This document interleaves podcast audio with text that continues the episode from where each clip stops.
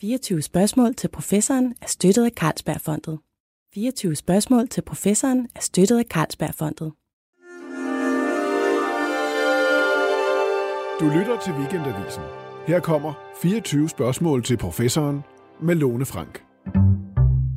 Det er i over 500 år siden, de spanske conquistadores og en blandet gruppe af deres indianske allierede indtog aztekernes enorme hovedstad, Tenochtitlan. Den havde 150.000 indbyggere, og dermed så overgik den faktisk langt de fleste metropoler i Europa, og i hvert fald hvad spanierne selv havde. Man kan også sige, at København havde på det tidspunkt cirka 5.000 indbyggere.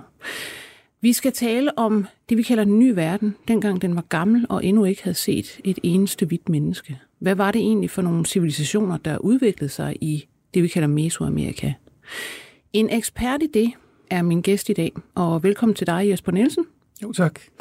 Du er lektor i indianske sprog og kultur ved Københavns Universitet, og så har du lige udgivet bogen Landet under landet, rejser i det gamle Mexikos historie. Og i den der beskriver du, hvordan man i dag kan finde øh, de her oprindelige mesoamerikanske civilisationer under, lige under faktisk mange gange, det nuværende Mexico.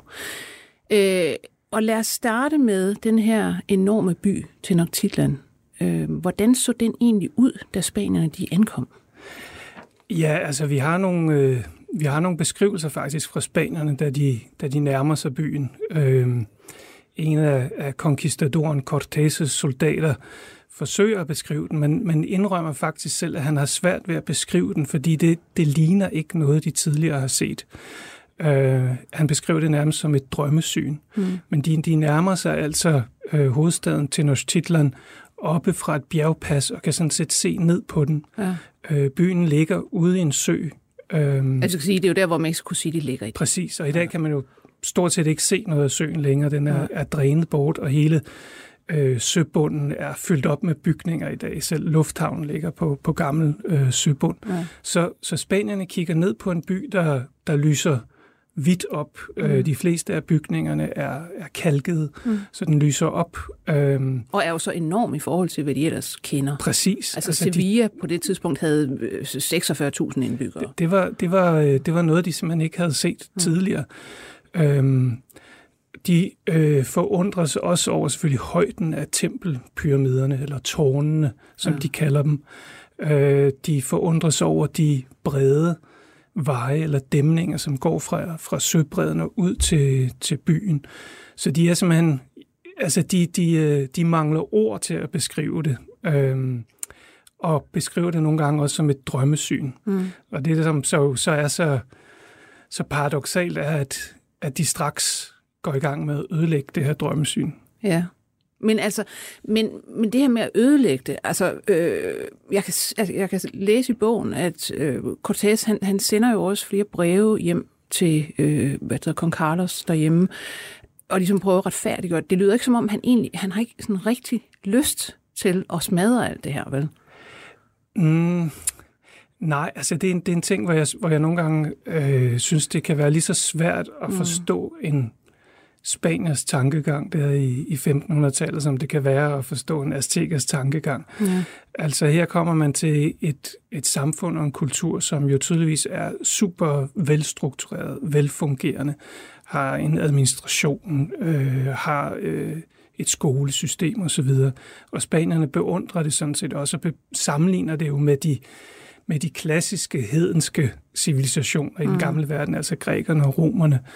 Men de har jo samtidig behov for en eller anden form for legitimitet for at faktisk erobre det. Ja. Øh, og her bruger man så, så den, den indianske hedenskab øh, som, som carte blanche til at, at, øh, at øh, erobre, ødelægge og underlægge. Ja. Øh, I nogle tilfælde så skriver Cortés sådan set, at ja, han, de ødelægger smukke bygninger og haver simpelthen for at øh, udøve en form for mental terror på, på aztekerne, simpelthen for at skræmme dem og, og ja, få dem til at overgive sig. Præcis, altså, ja. for at nedbryde deres moral. Øhm, og, og den soldat, jeg omtalte før, skriver også senere, at at nu er der intet tilbage af det. Altså det, det går vidderligt ret hurtigt med at ødelægge i hvert fald den centrale del af Tenochtitlan. Ja. Øh, og det kan, altså man kan til stadighed forbavses over den altså arrogance faktisk, som, som de her spanier udviser over for, for den enorme by, de står midt i. Jo, det er, som, det er, som du siger, i virkeligheden som at, at vandre ind i, i det gamle Rom, eller det gamle Athen, og så sige, åh, oh, lad os lægge det her ned. Ja. Altså. Ja, ja og der, der går jo ikke, altså, Spanierne har været inde i hjertet af byen i ganske kort tid, og så begynder de simpelthen at øh, insistere på at øh, vælte nogle af de store gudeskulpturer ned fra mm. toppen af tempelpyramiderne og erstatte dem med Maria-billeder, som bliver installeret faktisk i de samme tempelrum, hvor man øh, nogle ganske få timer tidligere havde øh, skulptur af Huitzilopochtli, altså den aztekiske skyts- og krigsgud. Ja. Så det er sådan en, en, jo en virkelig en fundamentalistisk tilgang til tingene, de har. Det kan man, altså det her med at øh, straks installere sine egne øh, religiøse billeder og bygninger oven på dem, man har erobret, den er jo meget klassisk, må man sige. Ikke? Altså, øh, Byzans faldt øh, til tyrkerne, værsgo, så var der måske over det hele. Øh, Aya Sofia blev til, straks til en måske. Det er den så blevet igen med Erdogan. Ja. Øh, og så videre, så videre. Det kender man jo godt, det der. Øh, men hvordan, altså, man, man beslutter så også ret hurtigt at bygge en ny by, altså ovenpå den her gamle. Og, og hvordan griber man det an? Hvordan øh, gør man det? Øh, jamen, altså, altså, for det første er det vigtigt også at, at slå fast, at der jo i de første årtier faktisk er relativt få spanier i byen, så øh, man er selvfølgelig afhængig af samarbejde med, mm. med azteker og andre indianske øh, grupper ja, igen, i området. Vi havde 150.000 indbyggere, ja. øh, og hvor mange spanier kommer der egentlig? I, øh, I første omgang kommer der omkring 500, og så kommer der løbende, øh, sejlende rettere sagt, øh, flere til. Men altså, det er stadigvæk en, en meget, meget lille øh, del i forhold ja. til, hvor mange øh, aztekere, øh, der var i, øh, altså i Mexikodalen. Ja. Egentlig må man jo også spørge sig umiddelbart, hvordan i alverden er det, at, at 500 erobrere kan erobre det her? Det er ja. jo så, fordi de har allieret, ikke? Ja, præcis. Og det er jo det, ligesom det klassiske spørgsmål, som, øh, som jo er blevet stillet, og stadigvæk bliver stillet. Hvordan kunne det lade sig gøre? Og, og man glemmer øh, ofte, at, at øh, spanierne havde haft held til netop at alliere sig med med folkeslag, som var underlagt aztekerne, og som så en pointe i at gå mod mm. øh, aztekernes overherredømme her. Ikke? Mm. Så, så man, er, man er afhængig af den arbejdskraft og hele det byråkrati og den administration, som faktisk allerede er til stede. Så spanierne går egentlig ind og, og overtager den styrende rolle i et i sådan et samfundspyramide, som, som allerede var til stede.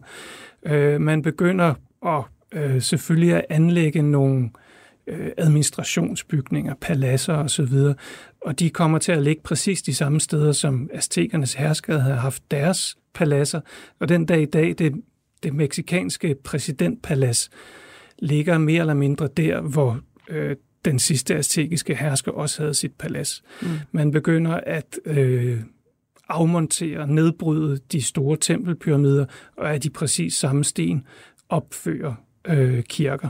Ja øh, så begynder man også at dræne hele søen, fordi det der med at have en by liggende midt ude i en sø, det, det, det passer ikke ind i den, mm. den spanske model. Men hvorfor havde man egentlig det? Altså fordi man, man, man, altså man dyrkede øh, i virkeligheden afgrøder i sådan nogle meget våde områder, ikke? Jo, altså hele den her historie om, øh, om aztekernes hovedstad midt ude i en sø, er selvfølgelig en, som, som øh, som er super interessant, øh, og som vi ikke har så mange andre eksempler på rundt omkring i verden. Øh, men altså, der er sikkert flere forklaringer på, hvorfor de vælger at, at anlægge deres by der. Men jeg tror, en, en vigtig pointe her er faktisk, at i mesoamerikansk religion, mytologi, verdensforståelse, der er der er en, en forestilling om, at et særligt helligt, potent sted er en ø, en sø, mm. omgivet af bjerge, vulkaner og huler. Det er ligesom det, det mest hellige kosmogram, man kan forestille sig. Ja. Så når aztekerne i deres egen beretninger fortæller, at de blev henvist til nogle små øer og holme ude i søen, fordi de angiveligt var de sidste, der kom til Mexikodalen, så tror jeg, vi kan nok, eller bør stille spørgsmålstegn ved, om den historie virkelig holder stik. Mm. Fordi de bor, kan man sige, faktisk det mest prominente sted af dem alle sammen. Ja. Og øh, selvfølgelig skulle en by med så mange indbyggere dagligt jo modtage en stor mængde fødevarer. Det var langt fra alle de her mennesker, som selv var beskæftiget med at, at dyrke ja. jorden. Øh, men rundt omkring søen specielt, eller rundt omkring i byen, og særligt den sydlige ende af søen, var der, som du nævner, den her særlige intensive form for landbrug, hvor man øh, etablerer jordlodder faktisk ude i lavvandede områder mm. ved at grave kanaler og dynge jord og døn op i, øh, ja, i jordlodder, og så ligesom plante træer langs kanterne, så det ikke synker ud. Mm. Og på de her jordlodder kunne man altså høste op til tre gange om året, så de var ekstremt frugtbare ja. øh, og findes nogle enkelte steder stadigvæk. Men den her landbrugsform var spanierne heller ikke særlig nysgerrige overfor eller interesseret i at, øh, at øh, lære bedre at kende. Så de begyndte at dræne søen og dermed øh, selvfølgelig også ødelægge det her øh, højt udviklede landbrugssystem. Ja. Lad os tage fat i, altså nu siger du, der findes stadigvæk nogle af de her marker, og du, øh, du beskriver også i bogen, altså hvordan man kan, man kan tage derud fra den her enorme metropol, som ligger der nu. Hvor mange millioner er der i Mexico City? Cirka 20. 20 millioner, ja. og, men, men udenfor, der kan man så faktisk nærmest, sådan, som du skriver, altså føle sig, at man, man kommer tilbage i tiden. Ja. Til sådan altså, stille og roligt, og så flyder man rundt øh, på de der kanaler. Ja. Øhm, og det handler jo om, den her bog, hvad der ligger sådan lige under overfladen af de her oprindelige ting. Ja. Øhm, hvis man tager ind til byen Mexico City, jeg har desværre ikke været der, men er det sådan, at det er ligesom i Rom, hvor man sådan, der, der, der stikker alt muligt op, altså om det er Caracatas termer, eller øh, Forum Romanum, eller, eller hvordan er det egentlig? Ikke, ikke i så udpræget grad, som det er i, øh, i Rom, vil jeg sige. Øh, det store hovedtempel, Templo Mayor, som det hedder på spansk, som ligger lige i midten af, af byen, er blevet fritlagt. Mm. Så der kan man se øh, aztekiske ruiner. Øh, og det kan man andre steder også, når man i, i forbindelse med nogle metroer, der hvor man går ned til, til, til metroen, så har man selvfølgelig, han havde sagt, fundet øh, tempelruiner, og sådan er det andre steder, men det, det er ikke så prominent, øh, fordi man altså øh, med, med mere bevidst og med mere hård hånd ligesom mm. øh, ødelagde en sekvens af byens historie og øh, anlagde en ny by mm. ovenpå. Ja. Øh, men det gør så bare, at Aztekernes hovedstad faktisk ligger relativt velbevaret nedenunder det nutidige Mexico. Øh, og det gør så også, at når man for eksempel her, som det er sket øh, flere gange i løbet af de sidste cirka 10 år, når man skal renovere en bygning i hjertet af Mexico City, hvis en bygning bliver revet ned, så giver det selvfølgelig anledning til arkeologerne for mulighed for at grave lige præcis på det område. Mm. Øh, og baseret på de gamle kort, vi har fra Spanierne fra 1500-tallet, så har vi også en nogenlunde idé om, hvor bestemte bygningsværker lå. Ja. Og det har vist sig at holde stik, altså for nogle år siden, hvor man øh, udgravede dele af vindgudens tempel som en cirkulær struktur. Den lå præcis der, hvor man forventede, at den skulle ligge. Øhm, så tingene ligger der, og vi ved, at der vil blive udgravet flere mm. øh, fantastiske ting i, den, i, den, i, den, i de kommende årtier. Det er der slet ingen tvivl om. Så kan man også være heldig en gang imellem at se en del af en æstetisk kultur pludselig på et, på et gadehjørne, ikke? Ja. hvor man netop har genbrugt de her ting som fundament for, ja. for kolonitidsbygninger. Ja, så står der sådan en, en, en, øh, en spansk bygning, og så nede i hjørnet, så, så vælter der sådan et, et slangehoved ud Præcis, ja. retning. Og det er jo, altså igen er det, det er interessant også her at, at overveje, hvilken betydning den form for mm. skulptur har haft for den aztekiske befolkning der i årtierne efter erobringen. Har de, er der ingen tvivl om, at spanierne her har set det som et symbol på, at man har overvundet ja. den gamle religion og det, den repræsenterede, men det er langt fra sikkert, at alle aztekiske indbyggere i Tenochtitlan har ja. betragtet det på samme måde. De kunne lige så vel have betragtet som en form for kontinuitet eller, ja. eller noget tilsvarende. Ja. Så inde i hjertet af byen kan man møde det gamle øh, Tenochtitlan, men kommer man sydpå for eksempel til, til de her såkaldte flydende marker, som de reelt set ikke flyder, så kan man altså hvis man kommer langt væk fra de områder, hvor turisterne typisk sejler omkring i kulørte både og, mm. og hører mariachi-musik og spiser tacos, hvis man kommer derud, hvor de stadigvæk dyrker markerne, så, eller det var i hvert fald min oplevelse den dag, altså så var det altså meget slående, mm. en meget stærk fornemmelse af, at sådan så området også ud for cirka 500 år siden. Ja. Folk bliver stadigvæk Altså man transporterer alt på de her små øh, fladbundede pramme, som ser fuldstændig mm. ud, som de gør i de kilder, vi har fra, fra 1500-tallet. Ja. Angående hvad der sådan findes lige under overfladen, så noget af det seneste, man har fundet, det er jo sådan en, øh, øh et, et kraniestativ, som man har kaldt det. Prøv lige at fortælle lidt om det.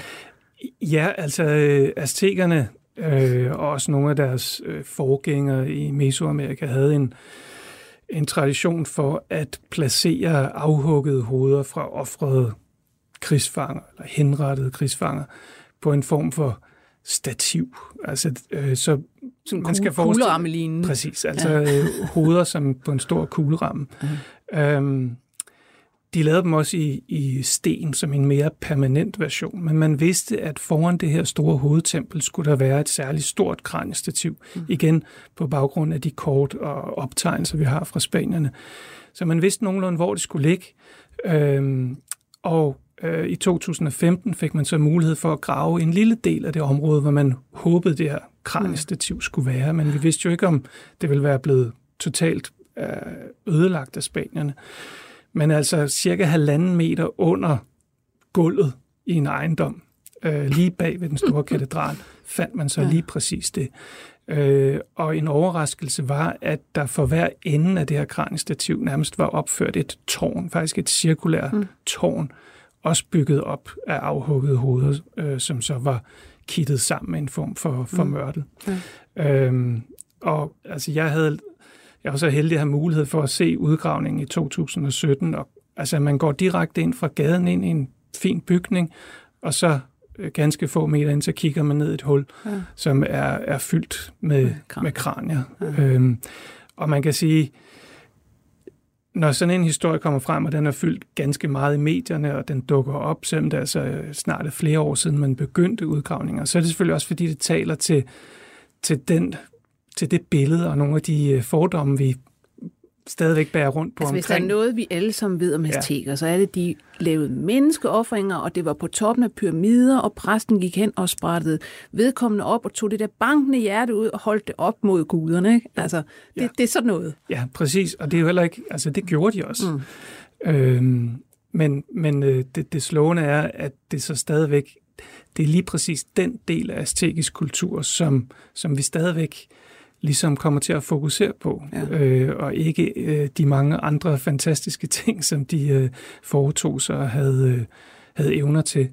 Øhm. Hvis du skal, øh, øh, altså som ekspert i det her, og med, med dit kendskab til alle de der mesoamerikanske kulturer, hvad vil du så sige er, hvad skal man sige, aztekerne i, i en? Hvad var det, der virkelig var særligt ved dem, og hvad var det, de kunne?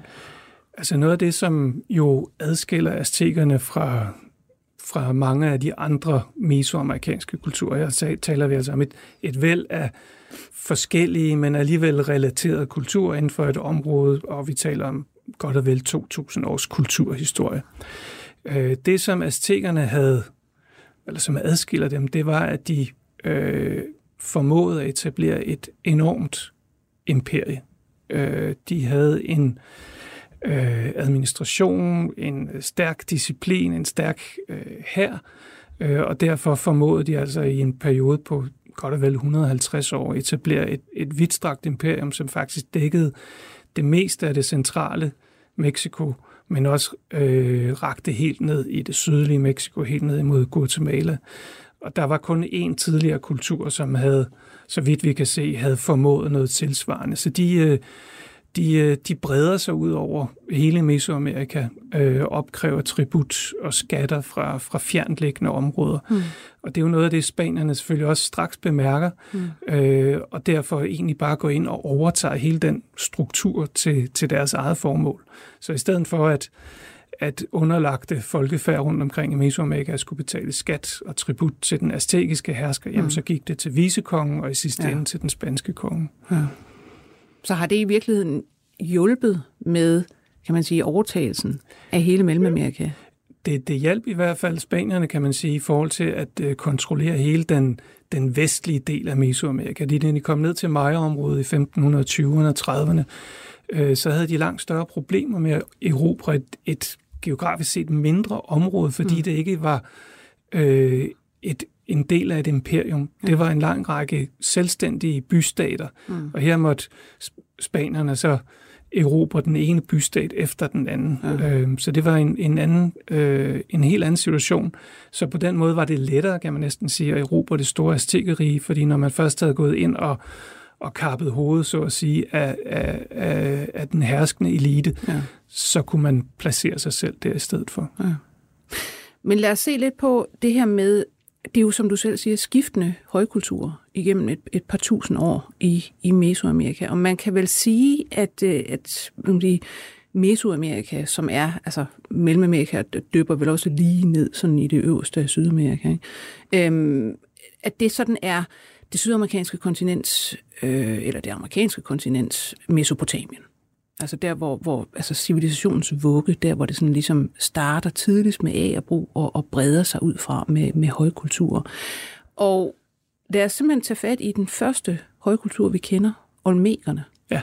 Og, og fortælle os om dem. Det er jo ja. heller ikke så langt herfra, at de i virkeligheden, eller så langt fra Tenochtitlan, at de Nej, altså, øh, og, og man kan sige, vi har måske, man kan sige, vi har to steder i den nye verden, eller på de amerikanske kontinenter, hvor de her ting foregår. Det mm. ene er præcis i det gamle Mexico, øh, og det andet er så nede på øh, Stillehavskysten af Peru, hvor vi faktisk har nogle tilsvarende meget mm. tidlige øh, bykulturer, og hvor der også opstår øh, agerbrug, øh, men hvor, hvor det, man faktisk kan hente fra havet, er en central del i at etablere ja. fastboende kultur. Ja. Øh, men i, i Mesoamerika og det gamle Mexico, der er det øh, øh, hos olmekerne, det kalder vi det her folkeslag i dag. Vi ved ikke, hvad de selv kaldte sig. Øh, og det er langs øh, golfkysten i de nuværende delstater, Veracruz og Tabasco. Mm. Det er lavt liggende, meget fugtig varme, tropiske områder, gennemskåret af, af floder. Så det ligner ligesom Eufrat Tigris og, og hele det her, den her Fertile Crescent. Præcis, og det minder også om, om Nilen, det minder mm. om øh, Ganges. Altså det er ja. et område, som, som, øh, som deler de her grundlæggende træk med andre mm. områder, hvor civilisationer er opstået. Vi ved, at majsen ikke først er domesticeret i det her område, altså, og majsen er simpelthen den vigtigste afgrøde i det gamle Mexico. Øh, men det er som om dens potentiale udfolder sig. Mm. Øh, da man begynder at dyrke jord nede i de her meget, meget frugtbare områder. Og hvor langt skal vi tilbage, før man snakker om olmeter? Omkring øh, 1500 før vores tidsregning. Øh, og på det her tidspunkt, og i de for, forløbende 500 år, har der selvfølgelig været mindre og større landsbyer rundt omkring i Mesoamerika. Der har været religioner, der har været mytologier, øh, så det er ikke sådan, at der ikke er noget. Men det er i de her områder, at vi først ser større landsbyer, mm. øh, og noget, vi kan begynde at kalde større byer med op til 10.000 indbyggere. Vi begynder at se monumental skulptur, monumental arkitektur, og der kommer nogle klare vidensbyrd om, at der er en lavdeling, mm. altså at der nu er en dele af befolkningen, som får betydeligt mm. mere magt økonomisk, politisk, religiøst end andre grupper. Så okay, så, så 1500 år før vores tidsregning, der ja. begynder man sådan at se det, man kan kalde et, et, et altså bysamfund. Ja. Og kontinentet som sådan, og Mellemamerika, hvor længe har det været beboet? Ja, der skal vi jo Altså, det er et af de store ubesvarede spørgsmål mm. stadigvæk præcis, hvornår de første mennesker kom til de ja. amerikanske kontinenter. Øhm, men vi ved, der er folk så langt sydpå som Chile for godt og vel 14.000 år siden. Ja. Og der dukker i de her år også flere og flere fund op i, i Mesoamerika, som peger i den samme retning, og det er også den vej, de er kommet. Mm. Øhm, så der har været folk i området, i hvert fald i en 10.000 år på det her tidspunkt, så man har lært sig øh, flora og fauna at kende, mm. og det er selvfølgelig det, der er udgangspunktet for, at man kan blive fastboende ja. og etablere sig. Og agerbrug, som du siger, har der også været i, i mindre landsbystrukturer rundt omkring i tusind år måske. Ja, en, vi taler om en lang periode på, ja. på 5-6.000 år, hvor man jo mm. gradvist er begyndt at kultivere eller domesticere mm. en række afgrøder, som muliggør det at bosætte sig og brødføde flere øh, ja. mennesker. Hvad, øh, hvad er det så, der sker i overgangen til øh, at man får en bykultur og det, man vil kalde en højkultur, altså med kunst og organisation og, som du siger, eliter og, øh, hvad skal man sige, og dem der er under. Ja. Altså en lavdeling af befolkningen. Altså ved vi noget om, hvad pokker det er, der ligesom trigger det? Altså, i, i første omgang er det selvfølgelig helt grundlæggende det, at man bor det samme sted. Øh, så der er nogen, der, det må vi formode, nogen, som ender med at bo på mere fordelagtige jordler tættere på floden, øh, og at den vej efterhånden får mere økonomisk og dermed også øh, politisk og religiøs magt. Men det er stadigvæk et af de, de ubesvarede spørgsmål, det tror jeg gælder mm. kloden rundt. Hvornår og hvorfor begynder en stor del af befolkningen at acceptere, at det er en mindre gruppe, der sidder på, på alt flæsket? Ja, ikke? altså man, man tænker lidt over, om det netop har noget at gøre med altså rent antal at man simpelthen på et tidspunkt får ressourcer nok til, nu kan det, nu kan det her område understøtte så mange, og når man bliver så tætte, øh, og der er så mange i gruppen, øh, at det så ligesom kommer lidt af sig selv på en eller anden måde. Ja, der må være en eller anden, der er jo en eller anden kontrakt her. Altså, ja. der, der, der er et eller andet, denne her elite, øh, spirende elite også kan tilbyde. Mm. Øhm, og det er jo ikke, så vidt vi kan se hos Olmega, er jo ikke en form for militær øh, beskyttelse eller noget tilsvarende, så der er nok ikke nogen tvivl om, at ideologi eller religion er inde over på en eller anden måde. Mm. Øh, og baseret på det, der er tilbage fra den olmekiske kultur, altså særligt store stenmonumenter osv., kan vi se, at de olmekiske herskere hele tiden prøver at henvise til en eller anden form for sikkert en form for oprindelsesmyte, som mm. gør, understøtter, at deres slægter havde en særlig tilknytning til nogle guddommelige kræfter eller væsener, som gjorde, at de på en eller anden måde var anderledes mm. og måske kunne fungere som medier, som kunne hjælpe hele øh, samfundet.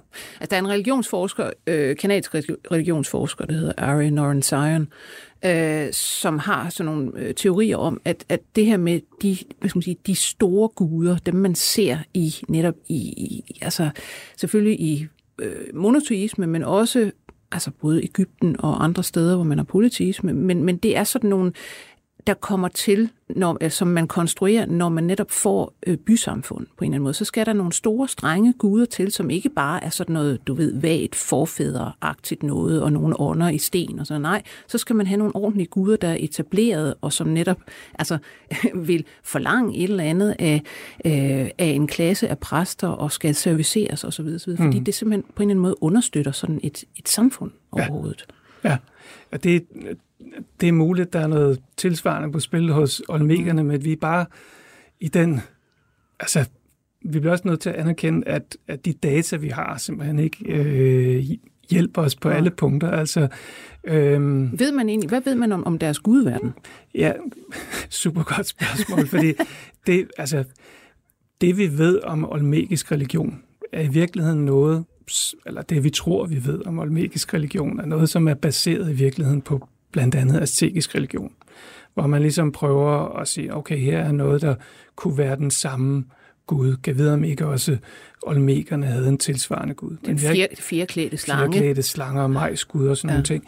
Øhm, men vi har ikke nogen skriftlige vidensbyrd fra olmekerne. Mm. Der er meget, meget lidt, stort set intet materiale af træ, tekstiler, øh, vægmalerier bevaret fra Olmekerne, fordi klimaet simpelthen er så vanvittigt hårdt øh, mod den type øh, mm. genstand. Så vi har jo i virkeligheden kun nogle relativt få stenmonumenter tilbage, og, og etablere og rekonstruere en helt religiøs verden på baggrund af det, har selvfølgelig sine vanskeligheder, og det, det må vi også bare erkende. Øhm, men noget af det, som Olmekerne ser ud til at gå ret højt op i, det er faktisk faktiske historiske individer og deres mm. herkomst, deres tilknytning til hellige steder, altså huler. Øh, både aztekerne og stort set alle mesoamerikanske folkeslag havde skabelsesmyter, som knyttede de første mennesker til bestemte steder i landskabet. Ja. Og huler var vigtige. Altså menneskeheden blev simpelthen født ud af Nogle huler. huler. Øh, og det ser ud til, at olmekerne lagde meget, meget vægt på, at herskerne var direkte efterkommere af de mm. første slægter, som blev født ud af jorden. Og man kan sige, at en del af deres øh, legitimitet, deres øh, ret til tronen, hænger netop sammen med, at de kan bevise, at de er direkte efterkommere fra de første det, mind, det minder mig sådan lidt om øh, shia-muslimer. Dem, der går med sorte turbaner, er jo direkte øh, efterkommere af Mohammed. stadigvæk, øh, hvad det ja. så, ja. Jamen det, det, det viser jo bare igen, at, at når man begynder altså... at sammenligne, ja. altså viser det jo, at selvom at vi er meget forskellige, så er der altså også utrolig mange sådan ja. grundlæggende tanker, som, som er, er ens rundt omkring i verden. Ja. Nu siger du, at man kunne sådan ligesom genkende øh, de enkelte herskere. Altså det er vel fra de her store stenhoveder, typisk, man, man kender fra det. Hvis, hvis man ved noget som helst om olmekerne, så er det sikkert, at man har set de her kæmpe store stenhoveder, der, altså det ligner egentlig, for mig, ligner det sådan noget kambodjansk ja. noget også. Ja, ja. Altså, øh, det er sådan lidt det samme. Ja. Det er meget flade næser, ja. øh, men, men de har individuelle træk. Det er ja. bestemt ikke ens. Altså, man, man kan se, hvem der er hvem. De har, øh, de har individuelle træk, og de har også, og det er måske det, det vigtigste her, fordi de individuelle træk er til dels også ligesom, hvad skal man sige, sløret sikkert af nogle skønhedsidealer blandt øh, olmekere, men de har hovedbeklædninger, som er forskellige. Mm. Og hvis vi går ud fra, at de har samme rang i samfundet, så skulle vi egentlig forvente, at de havde præcis den samme form for hovedbeklædning. Ja. Øh, men vi ved fra senere kultur i det gamle Mexico, at herskere ofte havde deres navne hieroglyfer mm. inkorporeret i deres øh, hovedbeklædning. Så, så det er muligt, at det er navne. Mm. Og så ved vi, at de her kæmpe tons tunge stenmonumenter har stået på række. Så de har formentlig været, altså vi skal tænke på det som en form for, for dynasti, ja. hugget i sten. Og jeg sammenligner det nogle gange... Kongerækken simpelthen. Ja, eller jeg, jeg nævner nogle gange for mine studerende for at finde en, måske ikke super passende øh, parallel, men altså på vores frueplads, hvor vi har alle bysterne af rektorerne. Ikke? Altså, ja, vi, skal, vi skal forestille os en samme. række af olmekiske herskere præsenteret på samme mm. måde. Ikke? Øhm, og ligesom bevogte indgangen til det helligste af byen på samme måde som ja. rektorerne bevogte indgangen til, mm. til de hellige haller. Ikke? Jo. Øhm, men, men som du også siger, de flade næser, ligner ja. det egentlig det, vi forestiller os med en indiansk befolkning. Mm. Øh, og ja, det gør det faktisk. Altså, jeg tror, at mange af os, hvis vi ikke har rejst i Amerika, i Mexico eller længere sydpå, så har vi ligesom ikke en fornemmelse af, hvor forskellige indianske øh, etniske grupper ser mm.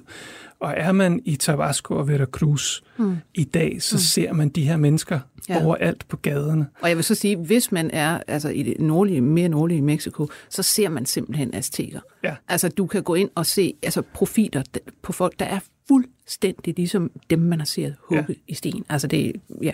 Præcis. Så, så jeg tænker, at når, når øh, altså der har jo været masser af forskellige øh, vidtflyvende teorier omkring, øh, hvor den indianske befolkning kom fra, og blandt andet har der været idéer om, at de kom fra Afrika. Altså, på grund af var, de her næser, ja. ja. Dem blev og så det, ret hurtigt skudt ned. Ja, og det ved, altså, selvfølgelig har vi også i, i dag en form for naturvidenskabelige hjælpemidler til at vise, at, at det ikke forholder sig sådan. Ja. Øh, men det er simpelthen typisk baseret på, at folk ikke har, mm. har, har været i regionen.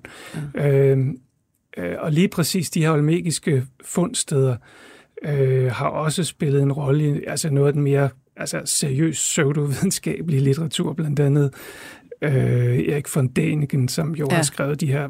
Det er seriøs pseudolitteratur. ja, øh, det, ja. øh, da jeg for et par år siden var i en af de holmekiske øh, byer, La Venta hedder den, som jeg også beskriver i, i et af kapitlerne i bogen, øh, det er ikke så nemt at komme til La Venta, så jeg havde på hotellet øh, spurgt, om de kunne arrangere en, en chauffør til at køre ja. mig derud. Det lå 100 km væk. Og der kommer så en meget venlig fyr og øh, øh, siger, at det er rart, at der er nogen, der vil derud. Øh, og på bagsædet af bilen ligger så et meget, meget slidt eksemplar af en spansk oversættelse af en af Erik von Dänigens bøger. Og øh, det viser sig, at den her chauffør faktisk havde kørt Erik von Däniken ud til La Venta, og han talte jo meget rosende om denne mm. øh, østriske forsker, og jeg havde sådan lidt svært ved at finde en, en mine, der kunne passe, og prøve ligesom at problematisere nogle af hans øh, tanker ja. om det. Ikke? Men det, det viser sådan set, at selv i, i lokalmiljøet, øh, lige præcis, altså blandt olmekernes egne mm. efterkommere, altså er der også plads til de her alternative øh, udlægninger. Interessant. Men øh, altså olmekerne var jo, øh, de var jo langt fremme med hensyn til skulptur, kunst. Altså de artefakter, der sådan stadig, øh, eller der er fundet fra dem, de er jo altså fantastiske simpelthen. Altså jade specielt. Ja, både de, altså man kan sige, at olmekerne er så altså det er så overraskende, hvad de, altså sådan kommer det til at se ud for os pludselig Ja. præstere. Ikke? Jo. De laver de her enorme stenmonumenter, og vi skal huske, at stenen blev fragtet over 100 km, og vi taler sammen monumenter på op mod 25 tons. Ja. Øhm, så de, de arbejder både i de der meget, meget store formater, øh, og laver øh, fantastiske skulpturer, også af menneskekroppen, som faktisk først, øh, i, først igen findes, når vi når helt frem til aztekerne. Ja. Øhm, altså skulpturer i, øh, i fuldt format. Og så arbejder jeg også i meget mindre format, i blandt andet i Jade, øh, som de hentede helt ned i Guatemala. Mm. Øh, og de etablerede sådan set en, en handelsvej fra Golfkysten og ned til højlandet i Guatemala, som, som blev brugt øh, og stadigvæk bliver benyttet, fordi mm. den følger bjergpas og bevæger sig langs kysten. Og de arbejdede altså, det her er jo ekstremt hårde materiale, øhm, øh, og skabte fantastiske øh, masker, øh, små figuriner, øh, alle mulige øh, Og, genstande. og hvor hurtigt sker det her? Altså, hvor hurtigt eksploderer den her kultur og, og bliver til den her højkultur ud af noget, der bare var landsbyer og, og sådan Ja, noget før? altså... Øhm, det er igen der, hvor vi er lidt udfordret, ikke? fordi det, det er meget usandsynligt, at øh, Olmekerne ligesom fra det ene år til det andet mm. beslutter sig for at lave skulpturer Ja. i sten. De må have arbejdet i nogle andre materialer inden da, Ja. altså træ eller Ler. ler. Mm. Øh, man har i en enkel, haft held til en enkel mose øh, i Tabasco at finde øh, træskulpturer, så vi ved, at det, det arbejdede man med. Så formentlig er de så overgået til et mere prestigiøst mm. øh, materiale, fordi når man først havde havde magten og administrationen, der kunne understøtte, at man fragtede sten, så blev det simpelthen et yderligere ja. øh, magtsymbol. Ja. Øhm, så altså, det er jo noget, der finder sted i århundrederne omkring øh, 17-1600 før vores tidsregning. Mm.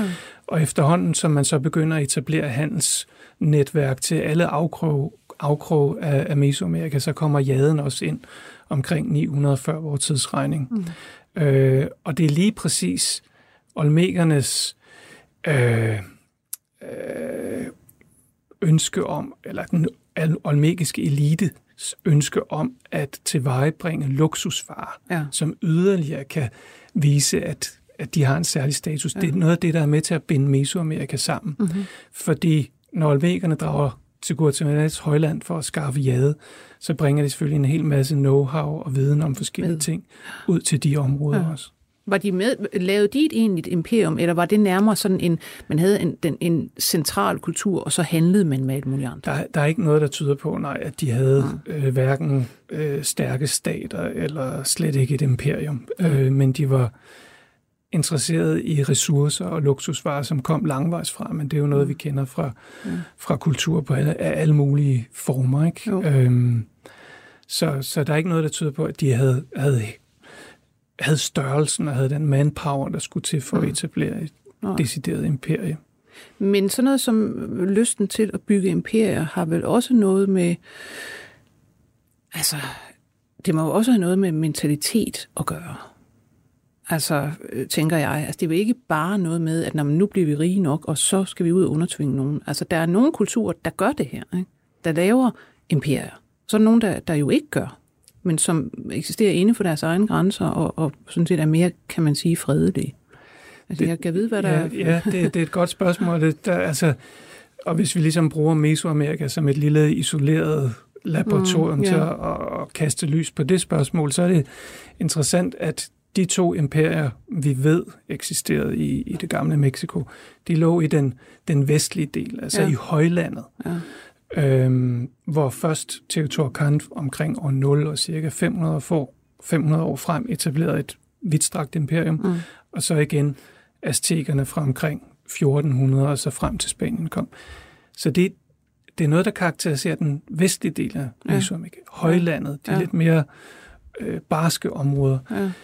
Mens man i lavlandet, i den sydøstlige del, hos Majerne for eksempel, der har vi ikke nogen vidensbyrd om, at der på noget tidspunkt blev etableret et, et imperium. Mm. Der er, hvad skal man sige, det geopolitiske billede meget mere domineret af, af små, stridende bystater. Ja. Øhm, og præcis hvad der øh, ligger til grund for det, det synes jeg er, er meget vanskeligt at svare på. Altså, øh, men Teotihuacan, som ligesom altså på mange måder var dynamoen i udviklingen af Mesoamerika efter Olmekerne, mm. øh, var interesseret i mange af de samme ressourcer, mm. øh, men havde altså øh, der omkring 300-400-tallet tilpas meget magt til faktisk at begynde at kontrollere de steder, hvor, hvor de her øh, ønskede ressourcer mm. var. Så fra at have handels enklaver eller kolonier, blev det altså ja. til, til provinser i ja. et imperium. Nu har vi jo så ikke så lang tid tilbage, men vi kan jo her de sidste fem minutter tid måske lige i virkeligheden rise op, jamen hvad sker der efter Olmekerne? Nu har vi så den første højkultur her i Mesoamerika. Hvornår går de ned? Hvem er det, der afløser dem? Og hvad, hvad sker der, i, hvis vi kan få sådan en slags ja, ja, ja. række ja. Øh, på, hvad, hvilke kulturer, der egentlig afløser hinanden? Ja, altså, og det, det er jo meget karakteristisk for Mesoamerika faktisk, at vi i løbet af de her cirka 2.000 år har sådan en, en bølge øh, gang. Altså vi har kulturer, som blomstrer op for dominans, og så mm. svækkes de, eller afmattes, og så er der nogle andre, der tager over. Mm. Og da Olmekerne øh, og Laventa bukker under, kan vi sige, formentlig fordi en af floderne tæt på mm. ændrer sit løb, og dermed ja. bliver byen afskåret, jamen så er det blandt andet sabotekerne i den stat, der hedder Oaxaca, som øh, får stor magt. Så kommer Teotihuacan op i det centrale Mexico, nogenlunde samme område som aztekerne. Så det er de to øh, hvad skal man sige, områder, hvor der sker rigtig meget fra mm. omkring 300 før vores tidsregning og indtil en 500-600 efter. Sideløbende med det foregår der rigtig meget nede i lavlandet i Maja-området, og det er mm. sådan set kontinuerligt fra omkring 440 vores tidsregning og frem til spanierne kommer. Mm. Øhm, Maya-kulturen har mange forskellige udgaver, kan man sige, øh, og mange forskellige byer, som afløser hinanden. Men det er ligesom en lang tradition, og de er hele tiden i kontakt med hinanden. Altså byerne i det centrale højland, i Oaxaca og nede i, i Maya-området. Og det er det, der knytter mm. Mesoamerika sammen på tværs af tid og, og, og sted. Hvor meget befrugter alle de her kulturer hinanden? Altså, hvor meget deler de for eksempel af gudeverden, øh, samfundsstruktur, øh, eventuelt skriftsprog osv.? Ja, det er, Altså, det, det, er, det er omdiskuteret. Altså, der er nogle forskere, som faktisk ikke bryder sig så meget om, at vi bruger sådan et label, Mesoamerika, fordi det kan komme til at overskygge for nogle mm. forskelle, eller som om der er en tydelig grænse mellem det nordlige Mesoamerika mm. og det, der ligger nord for, og lige sådan sydpå. Øh, og det skal vi selvfølgelig være opmærksom på, men de har rigtig meget til fælles, og det er simpelthen derfor, at, at man for, for godt og vel 80 år siden begyndte at karakterisere og definere det her område som et kulturområde med så mange fællestræk. Mm. Og det er simpelthen, øh, i virkeligheden hænger det sammen med, hvor divers geografien er. Dem i højlandet har brug for noget i lavlandet, så man handler på kryds og tværs, ja. og dermed flyder idéer, mm. skriftsystemer, religiøse forestillinger flyder frem og tilbage på grund af landskabets store variation. Øhm, så i mine øjne er der ikke nogen tvivl om, at, at, vi, at vi kan tale om en, en mesoamerikansk civilisation, så længe vi husker på, at den har mange forskellige mm. ansigter gennem, ja. øh, gennem tiden. Ja, som du sagde før, altså, så ligner de her forskellige befolkningsgrupper jo sådan set, øh, eller de er meget forskellige. Ved man noget om, hvor, hvor, hvor genetisk forskellige de er? Egentlig? Øh, det er der ikke lavet så mange undersøgelser af endnu, men altså et, et godt billede er jo også øh, sprogene, ja. altså den store diversitet, der er i, øh, i mm. sprogene. Og det tales jo mange hundrede forskellige indianske sprog, og nogle af dem er altså meget forskellige, tilhører forskellige sprogfamilier. Mm. Øh, så selvom de også sprogligt har påvirket hinanden, så har de også nogle særlige, nogle, nogle, nogle øh, særtræk, som kendetegner dem. Så jeg tror, vi skal, vi skal betragte Mesoamerika måske som et, en form for Europa, ja. hvis vi skal lave en parallel, hvor vi jo også har et eller andet, der knytter os sammen, men vi er så sandelig også interesseret i at være forskellige og understrege, hvor vi er forskellige. Øhm, så det er, det er en kompleks verden, mm. men med mange øh, fællesnævner stadigvæk. Ja.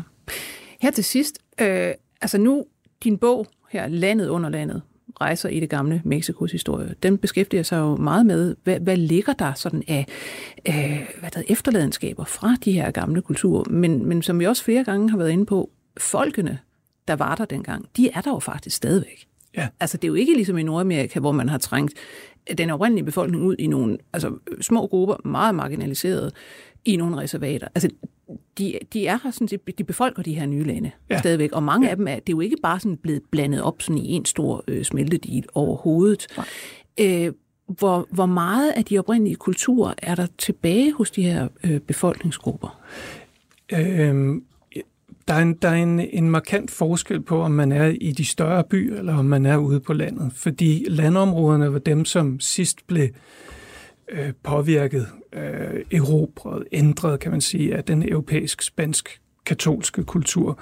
Så der er jo dele af Mexico, hvor vi skal langt ind i 1900-tallet, før infrastrukturen egentlig gør, at der er en, en konstant påvirkning fra den, hvad skal vi sige, moderne mm. verden. Øh, så der er elementer af indiansk kultur, som har har overlevet der. Selvfølgelig ikke uændret siden øh, 1500-tallet, men med en kerne af mm. øh, indiansk kultur, også sprogligt. Øh, og det ses stærkt mange steder. Og det, altså, der er stadigvæk hellige bjerge, der er hellige huler. Der... Som så dyrkes samtidig, eller parallelt med ja, og Maria? Er, og... Ja, og som ja. er blevet en integreret del af den form for, hvad skal vi sige, indianske katolicisme, som mm. er, er udbredt over, over det meste af Mexico. Kommer man ind i storbyerne, jamen så er befolkningen selvfølgelig typisk blandet. Mm. Øh, man kan sagtens i Mexico City og flere af de andre store byer op i det centrale Mexico også se mexikanere, som faktisk ligner spanier. Mm. Men de er få. Ja. Altså, de fleste mexikanere er det jo meget tydeligt, at her der taler om en, at det indianske er til stede i befolkningen. Ja. Øh, og det hænger jo sammen med, at at befolkningen var så stor, og for spanierne var det jo også en vigtig ressource simpelthen mm. i, øh, i den nye verden. Ja, ja men øh, vi er kommet til enden i dette 500 år for de spanske conquistadores øh, invasion af øh, aztekernes rige. Jeg skal sige tak til dig, øh, Jesper Nielsen, fordi du kom. Selv tak. Og som sagt, i, i starten øh, lektor i indiansk sprog og kultur ved Københavns Universitet. Og så vil jeg også lige sige til dem, der gerne vil høre meget mere om lige præcis erobringen, der skete for 500 år siden, så har jeg faktisk talt med Jesper Nielsen for nogle år siden om det. Så der ligger en udsendelse, man kan hente, den hedder Prækolumbiansk Korrektiv. Øh, fordi at der får vi faktisk den virkelige historie om denne her øh, erobring, som er lidt anderledes end den, øh, de fleste af os har på rygmarven. Så gå endelig ind og hent den. Jeg skal sige, at vi selvfølgelig i dag var produceret af Birgit Nissen. Jeg hedder Lone Frank. På genhør. 24 spørgsmål til professoren er støttet af Carlsbergfondet.